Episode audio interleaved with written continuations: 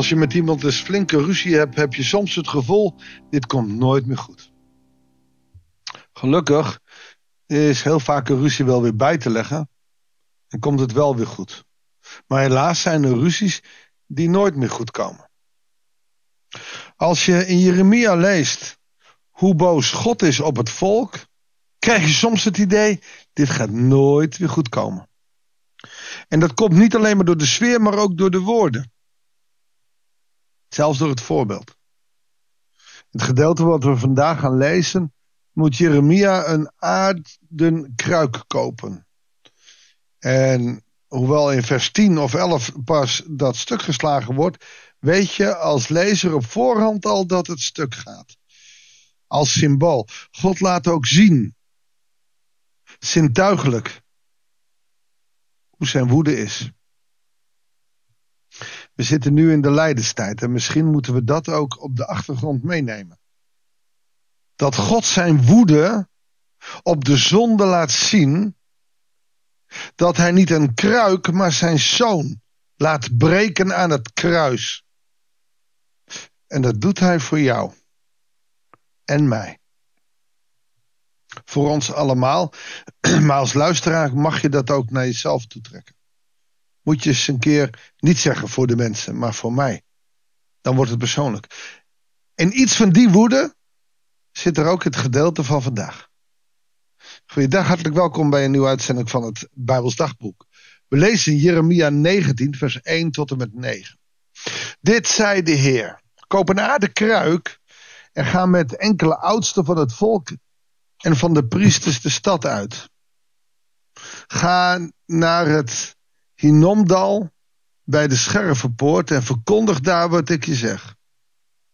God heeft ook een bepaalde plek. En is het toevallig dat het de Schervenpoort heet? Het lijkt mij niet. Luister naar de woorden van de Heer, koningen van Juda en inwoners van Jeruzalem. Dit zegt de Heer van de hemelse machten, de God van Israël. Ik zal zulk onheil over deze stad brengen, dat de oren van wie ervan hoort zullen tuiten. Je hoeft er alleen maar van te horen en je oren zullen tuiten, oftewel ze zullen roodgloeiend zijn. Dat zegt iets over de scherpte van de woorden die God gaat zeggen. Je oren zullen tuiten. Dan moet ik er wel bij zeggen, en dat is niet om het te vergoeilijken, hooguit om te troosten maar dat er ook weer in Jeremia een maar komt. God uit nu zijn woede. Daaruit blijkt dat je boos mag zijn. God blijft nooit boos. Er is bij hem altijd genade. Toch, toch vraag ik me af hoe hij nu in de hemel zit. Zou hij nog zoveel genade hebben? Blijft het stil vanuit de hemel? Als ik kijk in de wereld waar zoveel aan de hand is, dan zou hij toch al lang weer willen ingrijpen. Maar dat heeft hij gedaan. En zijn zoon was niet genoeg voor deze wereld. Bizar, hè? Laten we verder lezen. Want, en dat is het volk, ze hebben mij verlaten. Ze hebben deze plaats geschonden en er wierook gebrand ter ere van andere goden. Die zij, hun voorouders en de koningen van Juda nooit hebben gekend. Ze hebben deze plaats doen druipen van onschuldig bloed. Oftewel van bloed wat daar, hè, van offerdieren wat er helemaal niet geofferd had mogen worden. Onschuldig bloed. En er offerplaatsen gebouwd om hun kinderen als offer voor Baal te verbranden. Dat wat God bij Abraham afzweert als hij zijn zoon moet offeren en zegt nee, ik voorzie zelf in een brandoffer. Dat doen de Israëlieten weer. Waarom? Omdat die vreemde goden dat willen. Omdat als je je eerste kind verbrandt en vermoordt, oftewel offert, dan zul je een groot gezin krijgen, rijk gezegend. Dit heb ik nooit geboden, zegt God. Nooit gezegd en nooit gewild. Daarom, de dag zal komen, spreekt hier dat deze plaats niet meer Tovert of Hinomdal genoemd wordt, maar Moordsdal. Daar breek ik de plannen van Juda en Jeruzalem stuk. Hier zie je dus wat hij doet met die aarde kruik straks. Hij breekt de plannen die hij had. Eigenlijk het verbond wat hij met uh, Juda heeft, verbreekt hij daar. Door allen naar het leven te staan. De lijken van dit volk geef ik als prooi aan de roofvogels en wilde dieren. Ik maak van deze stad een voorwerp van afschuw en ontzetting. Hoor je hoe boos God is? En bedenk eens hoe boos God nu zou moeten zijn als hij naar de wereld kijkt. Zeker voor Nederland nu zo heel dichtbij, een oorlog in de Oekraïne al twee jaar lang. En Israël nu in oorlog en de hele wereld zegt stoppen en ze gaan maar door totdat ze Hamas hebben. Dreigingen van andere oorlogen. Ziektes, honger en ellende. Het wordt niet minder, het wordt eerder meer. Zou God niet ongelooflijk boos zijn? En moet het ook niet zo zijn dat zijn boosheid straks overgaat in, in het opnieuw zenden van zijn zoon? En dat dan het einde van deze aarde zal zijn en dat er een nieuwe aarde en een nieuwe hemel zal komen? Ik help het je hopen. Maranatha, kom spoedig. Maar voor nu laat hij Jeruzalem vallen. En dan gaat het nog veel verder op een bizarre manier. Ik laat de mensen het vlees van hun eigen zoon en dochters eten. Men zal elkaars vlees eten. Tot grote wanhoop zal de vijand die hun naar het leven staat en tijdens het beleg drijven.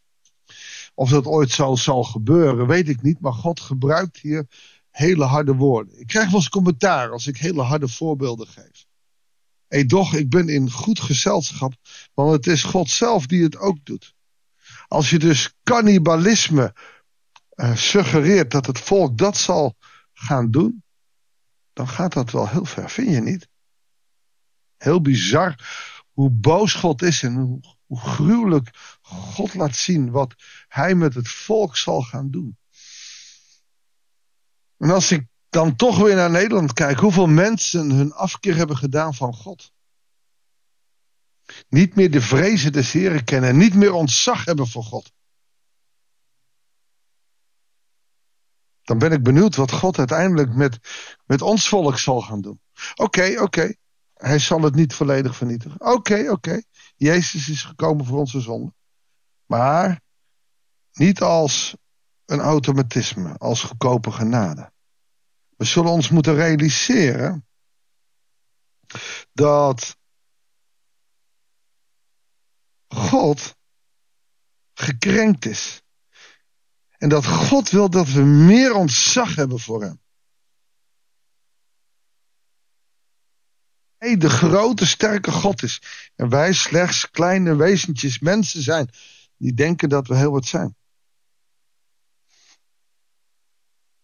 Leiderstijd geeft aan hoe teleurgesteld God is in deze wereld. En dan staat er in Johannes, want al zo lief heeft God de wereld gehad, dat hij hem redden zou. Niet als in de dagen van Noach, maar in de tijd van Yeshua.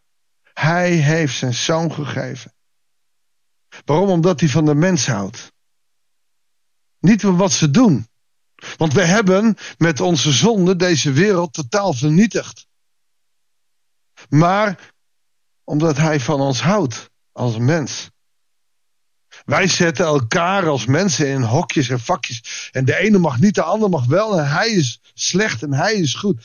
God ziet niet aan wat we doen. God ziet ons hart aan. Is ons hart gericht op hem. En daar ligt de grote fout. Veel mensen hebben hun hart niet gericht op God. Laten we daarvoor bidden dat steeds meer mensen. Voordat hij de stenen potten laat kapot gooien. Ook in deze tijd. Of God met zijn genade nabij wil zijn. Zullen we samen bidden? Lieve God, trouwe Vader in de hemel. Als we over de wereld nadenken, maar nog meer als we over onszelf nadenken, wat moet u dan soms ook teleurgesteld zijn in ons? En dan toch met uw liefde is uw zoon gekomen voor ons. We zitten in die lijdenstijd. En we zullen ons ook deze tijd weer moeten realiseren. Dat het gaat om genade die we niet verdiend hebben, maar wel krijgen. Waarom? Omdat wij er een potje van hebben gemaakt. Soms denken we in de kerk dan wel eens makkelijk. Beginnen we elk lied, elke dienst met een juichlied. En nou, God is zo groot en we zijn zo blij. Maar soms, soms realiseren we ons dan niet half wat we wel niet gedaan hebben. En dat is, ja, dat is verdrietig. Heere God, vergeef ons. Als we te makkelijk nadenken over dit leven. Wilt u ons hart bewust maken door de kracht van de geest wat, wat we aan het doen zijn. En wie u bent en wat u voor ons gedaan hebt. Dat bidden wij u in de naam van Jezus. Amen. Dankjewel voor het luisteren. Ik wens je God zegen en heel graag tot de volgende uitzending van het Bijbelsdagboek.